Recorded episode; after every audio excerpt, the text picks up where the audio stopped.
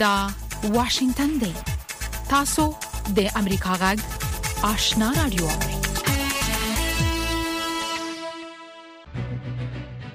درنو اوریدونکو السلام علیکم سارم نیکمرغه زه نو شاباشنایم تاسو د امریکا غږ آشنا رادیو نه د سیمه او نړۍ خبرونه اورئ السلام علیکم درنو بردونکو دا د امریکا جغ واشنگټن سټوډیو ده زه خلیل خان یم پام وکړئ د سات خبرونو ته د کډوالو په چارو کې د ملګرو ملتونو عالی کمشنرۍ وایي د لومړي ځل لپاره په نړۍ کې د جګړو تاوتریخوالي او زورزیاتي له امله د بېځای سوو خلکو شمېر له سل میلیونو کسانو څخه اوښتی دی د کډوالو په چارو کې د ملګرو ملتونو عالی کمشنرۍ پرون د دوشنبې په ورځ په یوې اعلامیې کې ویلي چې د دغو بېځای کېدو لامل د اوکراین او نورې مرګونې جګړې دي د کډوالو په چارو کې د ملګرو ملتونو عالي کمشنرۍ د تازه معلوماتو پر اساس په دوه زره ویشتم کال په وروستیو کې په ټول نړۍ کې په زور سره د بې ځای شوو کسانو شمېر نوي میلیونو کسانو ته زیات شوی و چې په ایتوپیا، بورکینافاسو، میانمار، نایجیریا، افغانستان او د کانګو جمهوریت کې د تاوتریخوالي د تازه څپو او یا د جګړو له امله و. د ملګرو ملتونو د معلوماتو پر اساس پر دې سربېره شش کال د اوکراین جګړې له امله د دغه هېواد داخل کې اتیا میلیونه کسان بې ځای شوي دي او څه باندې شپږ میلیونه بې ځای شوي اوکرینیان هم ثبت شوي دي. د امریکا د متحدو ایالاتو ولسمشر جو بایډن ویلي چې د روسیې ولسمشر ویلادمیر پوتین باید په اوکراین کې د خپل وحشت درنه بیه ادا کړي. ولسمشر جو بایډن چې د جاپان په سفر بوخت دی، د دوشنبې په ورځ په روسیې باندې د اوږدمهاله بندیزونو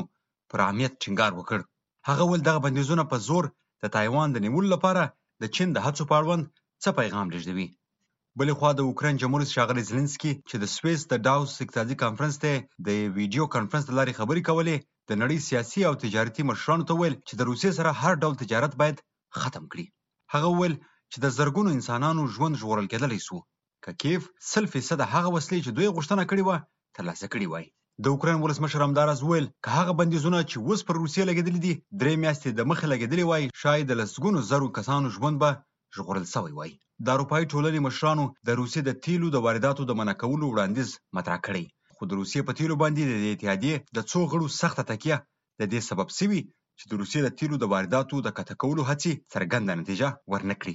د امریکا دفاع وزیر لوید آسټن د دوشنبې پر ورځ وویل چې د تایوان په اړه د واشنګټن د یوه چین پالیسۍ نه ده بدله شوې. هغه دا خبره له هغه وروسته کړې چې جمهور جو بایډن وویل چې امریکا لېواله ده که چین په تایوان برید وکړ نو امریکا به دفاع وکړي. د لوید آسټن سره خبریالانو د جمهور جو بایډن د تبصرې د معنا په اړه وپوښتل نو هغه وویل زموږ پالیسي نه ده بدله شوې. جمهور جو بایډن د دوشنبې په ورځ د یوې پوښتنې چې آیا واشنګټن به د تایوان د دفاع لپاره پوځي مداخله وکړي نو بایډن په ځواب کې وویل چې وو. هغه زیاته کړه چې دا هغه ژمنه ده چې موږ کړې. چین تایوان د خپلې خاوره برخه ګرځوي او وايي چې په یوه ورځ یې نیولی شي او په دې وروستیو میاشتو کې په دې سیمه کې کړکېچ زیات شوی دی.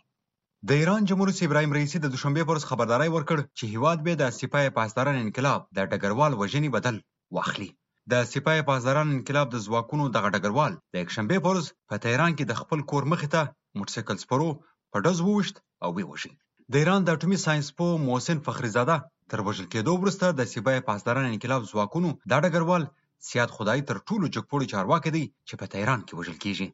سپاه پاسداران انقلاب ویلي دي، دا ترور هغو برید کوونکو کړی چې متحدو ایالاتو او متحدینو یې چې اسراییل هم پکښې دی سره تړاو لري. د عراق چارواکي وايي چې د اسلامي دولت د ډلې جهادیانو د هېواد په شمال کې درې ځوانان او درې د پولیسو افسران وژلي دي. یو محلي چارواکي وویل چې دغه شپږ تنه د کرکوک ښار په جنوبي ولسوالۍ تازه خورماټو په سیمه کې په ډزو وژل شوي دي. هغه زیاته کړه چې اووم کس لا درکه شوی دی. د اژانس فرانس پرېس د راپور له مخې د برید وروسته په دغه سیمه کې د پولیسو په یو موټر هم ډزې شوې دي او یوه بمي چاودنه هم شوې. د دوه زره ولسم کال په وروستیو کې د درې کلنې جګړې وروسته عراق د اسلامي دولت د ډلې پر ضد د فتح اعلان وکړ، خو د اسلامي دولت ډلې غړي بیا هم وخت ناوخته د هېواد په شمال او لویدیځ کې د سوریې په سرحدي سیمو کې بریدونه کوي. او ملګرو ملتونو د دوشنبې پر ورځ وویل چې د بنګله دېش په شمال ختیځ کې سېلابونو لږ تر لږه څلور میلیونه خلک اغېزمن کړي دي. راپورونه وايي چې په تېرو دوو لسیزو کې په دغه هېواد کې د داسې سېلابونو بېلګې لیدل شوې نه دي. دغه سېلابونه له تېرې اونۍ راهیسې پیل شوي دي. د بنګله دېش حکومت وايي چې سېلابونو د سیاحت ولسوالۍ اویا سلنه برخه او سون مګنج ولسوالۍ شپېته سلنه برخه ډوبه کړې ده. د چارواکو پر وینا، لږ تر لږه لس تنه مړه شوي دي او شاوخوا دوه میلیونه نور کورونو څخه بېځایه شوي دي. په بنګله دیش کې خلک له سختو موسمي بارانونو او سېلابونو سره اشنا دي، خو کارپوهان وايي چې د وروستیو بارانونو او سېلابونو لوی علت د اقلیم بدلون دی. دا و خبرونه چې تاسو د امریکا ږغ د واشنګټن د سټوډیو څخه واورېدل.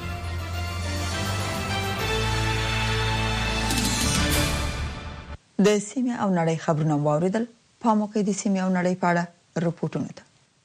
د طالبانو حکومت بالاخره په افغانستان کې د خبري رسنیو ښځینه ویاندویانې مجبورې کړې چې د تلویزیون پر مخ د راڅرګندېدو په وخت مخونه پټ کړي. د دغو رسنیو یو شمېر مسؤلین وایي، طالبانو ورته جدي خبرداری ورکړی چې ښځینه ویاندویانې باید د تلویزیون پر پرده د راڅرګندېدو په وخت کې د مخ د پټېدو په اړه د هغوی امر عملي کړي. نور جزئیات د سمیع الله جلالزي په رپورټ کې. په افغانستان کې د مشهورو خبري شبکو ښځینه ویاندویانو نن یکشنبه په داسې حال کې خبري پروګرامونه وړاندې کړل چې مخونه یې پټ وو او یوازې سترګې ښکاره کېدې. که څه هم یو شمېر رسنیو د شنبې په ورځ د طالبانو له دې حکمه سرغړونه وکړه، خو د رسنیو مسؤلین وایي چې طالبانو نن یکشنبه ورته د دې حکم د عملي کېدو جدي سپارښتنې وکړې. د طلوع نیوز د خبري څانګې مشر خپلواک ساپي د فرانسې خبري اژانس ته وویل هغوی مجبور کړی شول چې دا حکم عملي کړي پرون راته زنګ وهل شو او راته په جدي ټکو کې وویل شول چې عملی یې کړه دا ستاسو په خوښه نه ده بلکې په زور یې عملی کوو د طلوع نیوز یو ویاند سونیا نیازی وایي چې د ماسک سره د خبرونو وړاندې کېدل ورته سخت وو اګر امه قسم فرمان ها صادر شوه او امه قسم سرما جبری شوه او تحمیلی شوه واقعا د افغانستان زن ها حذف شم حذف میشه امیال هم آیسته ایسته به صورت تدریجی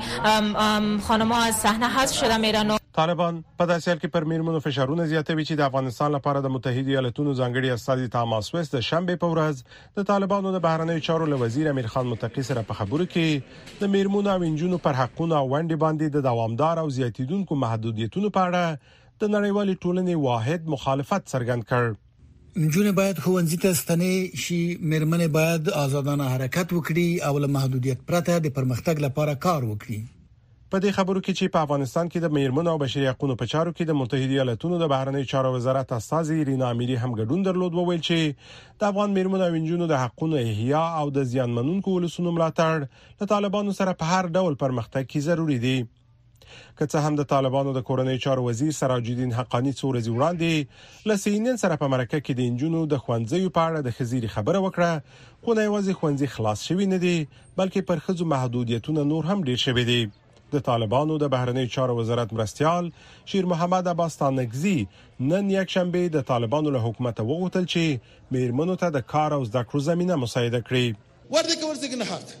دا خځه به اسلام چیرې زده کوي شریعت به چیرې زده کوي خو په مدرسه او مکتب کې به زده کوي کنه او دا د حکومت وظیفه ده چې د فساد مخنیوي وکړي دا چې په یو ځای کې فساد پېښېږي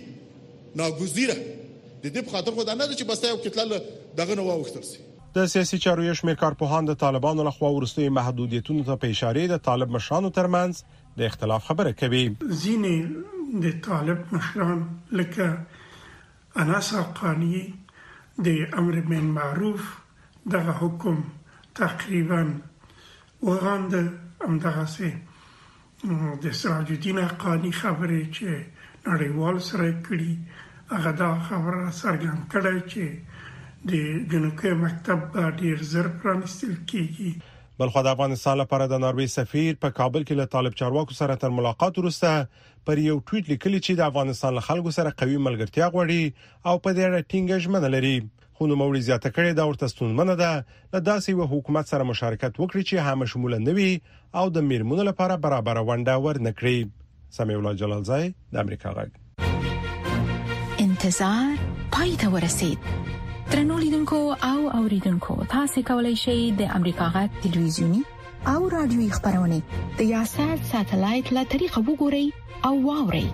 د نوي ساتلایت لارې تاسو د آشنا اتصال او کاروان ټلویزیونی خبرونه کتلای هم شئ د امریکا غږ د افغانستان څنګه خبرونه په 309 پټ چنل او د آشنا رادیوي خبرونه په 309 پټ چنل کې اوریدلای شئ لملتيامو د تل پشان مننه زموږ غږ د واشنگټن د سټډیو نه اوري د دوو کلونو ځنډ نه وروسته سږکال حاجیان د حج د فریضې د ادا کولو لپاره سعودي عربستان ته ځي د ارشاد حج او اوقاف وزارت وایي چې د افغانستان نه به څه باندې 14 نیم زره حاجیان سعودي عربستان ته لاړ شي دا وزارت وایي چې سږکال به لومړی هغه کسان حج ته لاړ شي چې نومونه یې د منتظرینو د لیست په سر کې دي. په کابل کې د امریکا غږ آشنا راډیو همکار اکرام شینواري په دې اړه د ارشاد، حج او اوقافو د وزارت د اطلاعاتو او عامه اړیکو د رئیس د ویاند فضل محمد حسیني سره مرکه کړې چې ستاسو پام یې اورېدو ته راګرځوم. سږکال به څومره حاجیان دحج دفریضې د ادا کولو لپاره لاړ شي؟ د حج د پروسې ترسره کېدو اعلان هم ډېر ناوخته وشو او زموږ سهمیه هم ډېره ناوخته راورسېدله. د ارشاد اوقافو وزارت په دې هکله باندې خپل کار شروع کړی ده. سږ کال به انشاالله له افغانستان څخه چون د کورونا د ویروس خطرات موجود دي په حدود د دیارلس زره پنځه سوه او دوه اتیا حاجیان انشاالله د حج د مراسمو یا د فریضې د ادا کولو لپاره سعودي عربستان ته سفر کوي او د ارشاد اوقافو وزارت د دوی د انتقال لپاره هغه ابتدایي کارونه چې باید په عاجله صورت توګه سرترسره شي بیړني کارونه روان دي او له ټولو دولتي اداراتو سره زموږ سفارتونو سره په سعودي عربستان کې وای سي کې او همدا شان د حج له کنسلګرانو سره په ډیر چټکي کار روان دي چې تر څو وتواني د حج پروسې لپاره د خپل اجانو د انتقال زمينه برابر کړو په ګاونډي هیوادو کې مهاجرین هم په دغه سهمیه کې شامل دي کومه سهمیه موږ ته راغلي ده هغه په تناسب د نفوسو سره د هیواد د هیڅ قشر او هیڅ اړخ جنې پاتې شوی نه ده ټولو ته دی هو کاغو چې کوچان د بلګي په ډول یادونه کوله سو یا ماجرین دي ټولو ته په تناسب دي دغه سهمې سره چې ډیره کم راغلي ده موږ ټول لوري په نظر کې نیولې دي کدا مهاجرین دي کدا د هیواد هر قشر ده ټولو ته ان شاء الله خپل سهمیه د مهاجرینو برخه کې او نورو برخو کې نیول شوی ده او له ادارو سره چې دوی کارونه مخته وړي ده شریک شوی هم ده دغه اجنټ چې سکلزي د کومې کړنلارې لمخې سعودي عربستان ته استوي. د حج د پروسې د ثبت نام یا د نوملیکلې پروسه تقریبا په تیرو دوو کلو کې نه ترسره شوې لکه څنګه چې تاسو یادونه وکړه د کرونا وایروس خطر لرل او موږ په دوو کلو کې ونه توانېدو چې خپل حاجیان سعودي عربستان ته انتقال کړو موږ په حدود د شپږ اتیا زرو حاجیان له موږ سره ثبت او راجستر دي دوی ثبت نام کړی او دوی په منتظرینو کې موجود دي بنا سره کال چې موږ دغه کمه فیصدي لرو د هغوی هغه اولني کسان چې کورکشي ختلې ده او په اول د لیست قرار لري، په تناسب د نفوسو سره دغه دیارلس زره پنځه سوه دوه اتیا جان په ټولو ولایاتو او ولسوالیو په تناسب د نفوسو سره وېشل شوي دي او په اول د لیست کښې په هره ولسوالي او په هر ولایت کښې څوک قرار لري په ډېره کمه فیصدي را اخیستل کېږي او هغه سیستم موجود ده د هغو له مخې به دی ان شاءالله تعالی حج ته سفر کوي په دې هکله باندې هېڅ ډول د تشویش ځای نشته په ډېر شفاف او په ډېره منظمه یو پروسس یا الکترونیکي اړخ هم لري او په کتابي بڼه باندې هم موجوده ده. دوی به انشاءالله سږکال حج ته انتقالېږي او هغه پروسه مخکې ته مخکې طی مراحل شوي هم ده. د حاجیانو د تللو بهیر به څه وخت پیل شي؟ په ټوله توانایۍ سره کار روان ده. په ډېره لوړه کچه د وزیرانو په سطحه باندې کمېټې تشکیل شوې دي چې تر څو وتوانېږي دغه پروسه په ښه ډول مدیریت شي. موږ هغه قراردادونه چې په داخل دې هېواد کې دننه باید وشي لکه د الوتکو قراردادونه او له هېواده د باندې قراردادونه چې په سعودي عربستان کې د حاجیانو جای، ویزا، ترانسپورت او ځینې نور اړخونه ته شاملېږي، د موږ کارونه روان دي، ان شاء الله تعالی د جوزا میاشتې تر نهاییو پورې یا په د بلې میاشتې په پیل کېدو کې به د حجاجو د انتقال پروسه سعودي عربستان ته شروع کېږي. ثقل په سعودي عربستان کې د حاجیانو لپاره کوم شرایط په پام کې نیول شوي دي؟ ځینې شروط خو په نورمال ډول د کورونا د وایروس له پیښېدو مخکې هم د حج د پروسې د ادا کولو لپاره ځینې پروسیجرونه موجود و چې باید هم د حج او هم د موږ د دولتي ادارې له لوري دا باید پروسې شي څه کال چې دوه نوي شرطونه د سعودي عربستان له لوري خو درسوي دي یو دا چې د نورو عادي واکسینو ترڅنګ باید کووډ 19 د کورونا د لپاره هم د واکسین تر سره کړي او په څنګ کې باید کوم عاجز سعودي عربستان ته سفر کوي د هغوی عمر باید له 15 شپېته کلونو نه لوړ نه وي ځکه چې دغه د کورونا د ویروس خطرات موجود دي د شاده جوقا په وزارت له روغتیا وزارت سره په ګډه د دغو واکسینو د آماده کولو لپاره ټول امکانات او ټول آمادګیان نیولې دي اما هغه اجان چې سفر کوي هم په لیستو کې واجب اجازه نه ورکړي چې د هغوی عمر له 15 شپېته کلونو لوړ وي سږکال د حج د مراسمو لپاره څومره مصرف په پام کې نیول شوی دی؟ د حج وزارت خپل ټول ابتدایي کارونه شروع کړي دي چې په ډېر چټکۍ سره زموږ ټول قراردادونه طی مراحل سي نهایي سي بیا چې کله ټول قراردادونه په هیواد کې د نن او د باندې د بیلګې په مثال زه وټکو قرارداد چې موږ باید په ډېر عاجله توګه نهایي کو چې په هیله لرو په دې اونۍ کې واغه نهایی کېدونکی ده د اجي د ټکټ مصارف د اجي د غذا د ترانسپورت ټول مصارف چې نهایی شي بیا موږ اجي ته حساب کوو چې د دوم قسط پیسې داخلي کینو ان شاء الله په ډیرو راتلونکو نږدې ورځو کې به د اجي د دوم قسط پیسې هم معلوم شي چې اټکل او ګمان هم دا ده چې سږ کال په ټول نړیوال بازار کې د خوراکي موادو هم دا شان په ټوله کې د تیلو بیې ډیر لوړې تل دي د اجي ټکټ به د قیامت وي تر تیرو کلونو بلې د موږ مصارف څخه جوړ وي د مرکې نه مننه د واشنگټن نه د امریکا غږ آشنا رادیو خبرونه اوري رپورټونو ته د واشنگټن د سټډیو نه ادامه ورکو د امریکا د لوی درسیزانو د کمیټې عمومي مشر جنرال مارک میلی ویلي چې د امریکا پاوز د په راتلونکو کې د سې جګړې کولو ته چمتوي چې خای د نن ورځ جګړو سره ډیر لګ ورتواله ولري هغه زیاته کړه چې په هوایي، سایبري، سمندري او ځمکې په ګډون په ټولو جګړو کې متحده ایالات وار د مخه چلن شوی او د متحده ایالاتو هغه برلاسي په چټکۍ سره مخ په کمېدو ده چې په تېرو اویا کلونو کې یې درلوده. په همدې هکله پام وکړئ رپورټ ته. Nicholas D. Eisenhower. جنرال مارک میلي د امریکا د لویو درستیزانو د کمیتې عمومي مشر د شنبې په ورځ د ویسټ پوینټ په نظامي کالج کې تازه فارغ شویو افسرانو ته د جګړې د احتمال زیاتیدو او د جګړې د شکل د بدلیدو په هکله خبرداری ورکړ. دې جګپوړي امریکایي جنرال په خپلې وینا کې وویل چې نړۍ د لا بې ثباته کیدو په لور روانه ده او د نړۍ ستر قدرتونه غواړي چې نړیوال نظم بدل کړي ښاغلي مېلي په خپلو خبرو کې د کوم هېواد نوم وانه خیست چې د نړۍ د نظم بدلولو نیت لري. Information technology that exploded in the eighteen hundreds. په اتلسمه لسیزه کې چې د معلوماتي تکنالوژۍ کوم انقلاب رامنځته شوی دا به تر یو سلو پنځوس نورو کلونو پورې مخ پر وړاندې روان وي. د دغه انقلاب هر اړخیزه اغیزه تقریبا د باور وړ نه ده. مهمه نه ده چې تاسې نن ورځ په نړۍ کې چیرته یاست، تاسې د تکنالوژۍ په مرسته لیدل کیدای شئ، او هغه څه چې لیدل کیدای شي په نښه کیدای هم شي او دغه د معلوماتي تکنالوژۍ پرمختګ په چټکۍ سره سیاسي واک بې ثباته کوي. ښاغلي میلي وویل د نړۍ د سترو ځواکونو ترمنځ د نړیوالې شخړې احتمال مخ په کمیدو نه بلکې مخ په ډیریدو دی. هغه همدارنګه زیاته کړه چې په هوایي فضا، سایبري، سمندري، هوایي او ځمکې په ګډون په ټولو جګړو کې متحده ایالات وار د مخه چیلنج شوي او په نظامي لحاظ د متحده ایالاتو هغه برلاسۍ په چټکۍ سره مخ په کمیدو دی چې په تیرو اویاوو کالونو کې د دې هیواد سره وو.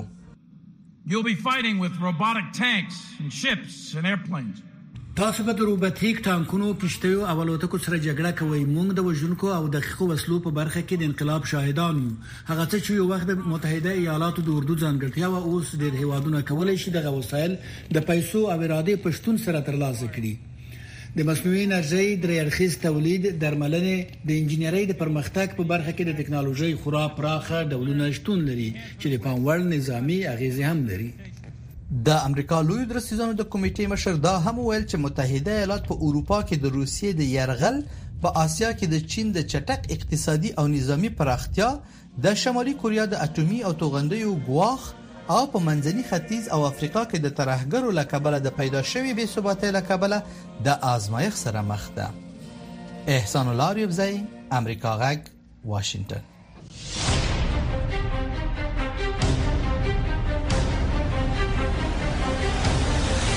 اتصال زموږ او تاسو پیوستون خبرونه چیرنې او خبرګونونه موثق معلومات او دقیق جزئیات هغه کورنۍ نړیواله او سیمه ییزې مسلې چې د عام خلکو پر ژوند اغیزې لري ستاسو پوښتنې د چارواکو ځوابونه او د پوهانو سپارښتنې ل یک شنبه تر پنځ شنبه د مخام پر 15 بجو او 10 دقیقو له واشنگټن څخه پر ژوندې بڼه دا د امریکا غږ آشنا رادیو د تاسو د سیمې او نړۍ په اړه رپورټونه اوري د امریکا ولسمشر جو بایدن د سیمایي همکارۍ د پیاوړي کولو لپاره جاپان او جنوبي کوریا ته د سفر په ترڅ کې د شمالي کوریا لخوا د بالستیکو توغندیو د تازه آزموینو په پس منظر کې د خپل متحدینو سره یو ځای د شمالي کوریا په وړاندې د قوي نظامی دریز درلودلو پیغام ولېږدو تفصیلي په رپورټ کې اورئ. د امریکا ولسمشر جو بایډن د هند او ارام سمندر د سیمې له هیوادونو سره د امریکا د زیاتې اقتصادي راکړې ورکړې د پیل په موخه د خپل سفر په ترڅ کې نن جاپان ته رسیدلی خو ان وړاندې له دې چې پیل شي پر دې پروګرام له دې امله چې د سیمې هیوادونو طبعي ګټه کمه وي نیوکې شوي بایډن د شمالي کوریا پر وړاندې د جنوبي کوریا د دفاع د قوي کولو په خاطر پرون د جنوبي کوریا د مشرانو سره خبرې اترې کړي. د شمالي کوریا له خوا د اټومي توغندیو د زور زیاتیدونکو ګواښونو پر وړاندې ما او ولسمشر بایډن جدي اندیښنې شریکې کړې او هوکړه مو وکړه چې د بل هر شي په پرتله دغو اندیښنو ته لومړیتوب ورکړو. په جنوبي کوریا کې تازه واک ته رسېدلي ولسمشر یون سوک یول سره په یو ګډ خبري کنفرانس کې ولسمشر بایډن د جنوبي کوریا سره د ګډو پوځي تمرینونو پر پراخولو هوکړه وکړه.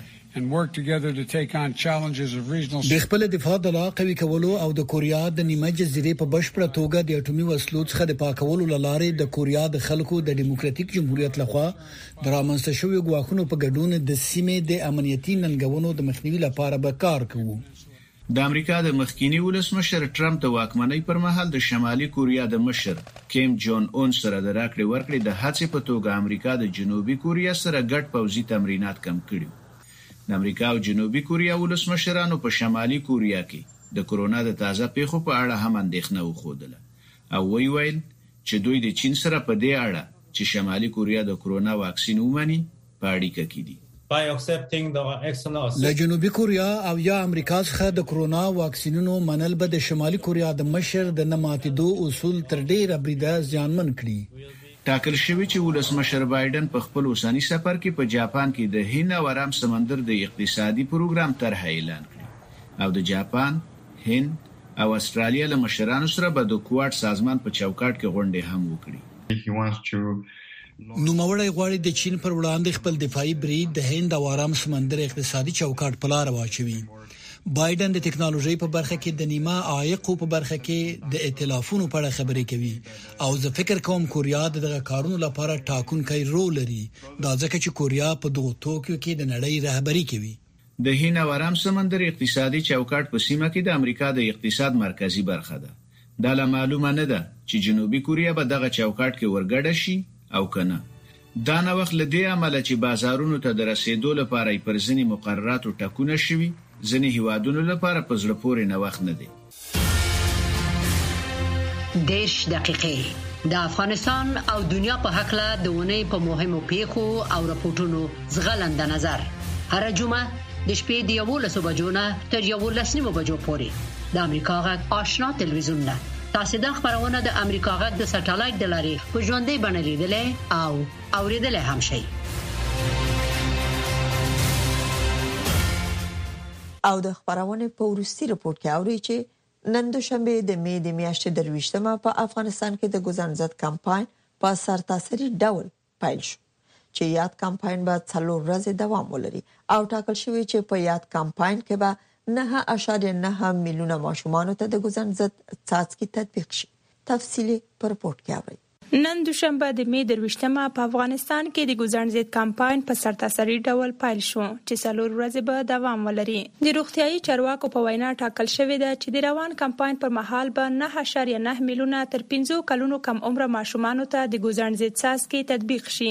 ډاکټر نیکولی شاه مومن د افغانستان د پولیو د له منځه وړلو د ملي بیړنی عملیاتي مرکز مسؤل له امریکا غږ اشنا راډیو سره په خبرو کې وویل، چې یاد کمپاین به د هېواد په څلور دېرشو ولایتونو کې بې له کومې ستونزې په ملي کچه ترسره شي. د افغانستان په څلور دېرش ولایتو کې په ملي کچه د پولیو واکسین سرتاسري کمپاین د څلورو ورځو لپاره ترسره کېږي. د دې کمپاین موخه دا ده چې په ټول هېواد کې نهه اعشاریه نه میلیونه ماشومان چې عمرونه یې تر پنځو کلو وي، د پولیو ضد واکسین دوه څاڅکي ورکړل شي او د دې ترڅنګ وټامین اې هم ماشومانو ته د هغوی د بدن د معافیت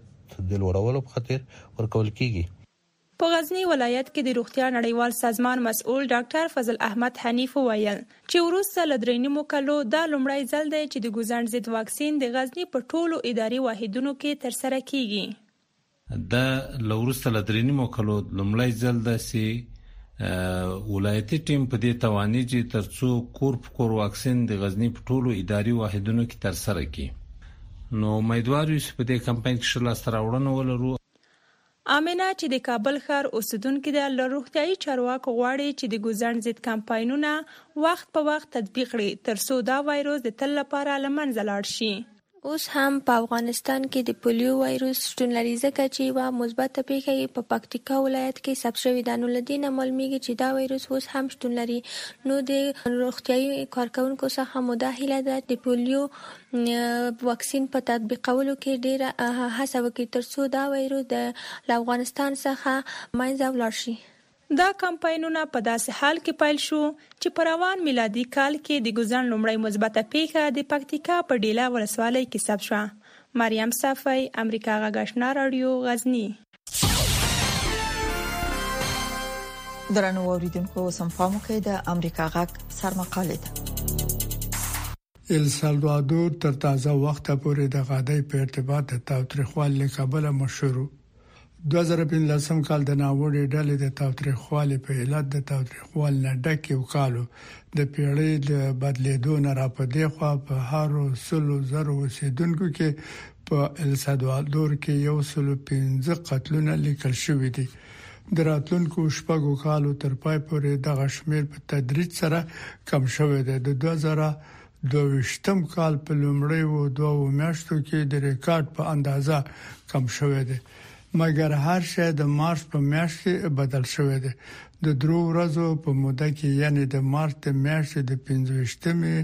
او اووه ویشتمې نېټو تر منځ اووه اتیا سلوادوران وژل شوي وو. د سلوادور جمهور رئیس نایب بوکل د دغو وژلو ملامتي د لارو کوڅو په ناوړو ډلو باندې اچوي چې له تاوتریخوالي نه کار اخلي چې له ګاونډیانو نه د مالیه ژغورل را وباسي همدغه راز په منتخب شوو حکومتونو باندې د سیاسي فشار لپاره دوی کنټرول کوي. د مارچ د میاشتې وشتمه نیټه د شنبه ورځ و سره لدې په دغه سهار جمهور رئیس بوکل په قانون جوړونکو غږو کا او استراري حالات اعلان کړ عسکرو په ځینو سیمو کې سرکونه بند کړل او د اپریل د میاشتې په 14مه نیټه په دې شک تقریبا 30 زره نارې نه خزي ماشومان راټول او بندیان کړل چې د ناوړې ډلې غړي یا د دغو جنایي ډلو سره ملګري دي استراري حالات حکومت ته اجازه ورکوي چې په اساسي قانون کې ځینې حقوق وزندوي په دې کې د محاکمې نه د مخه د توقيف لپاره د وخت د وګدولو اجازه ورکول او مدافع وکیل ته سمدستي لاسرسي مناسبه پروسه او د غونډې د جوړولو ازادي شامل ده. په اټکلي ډول یو هفته وروسته د اپریل د میاشتې په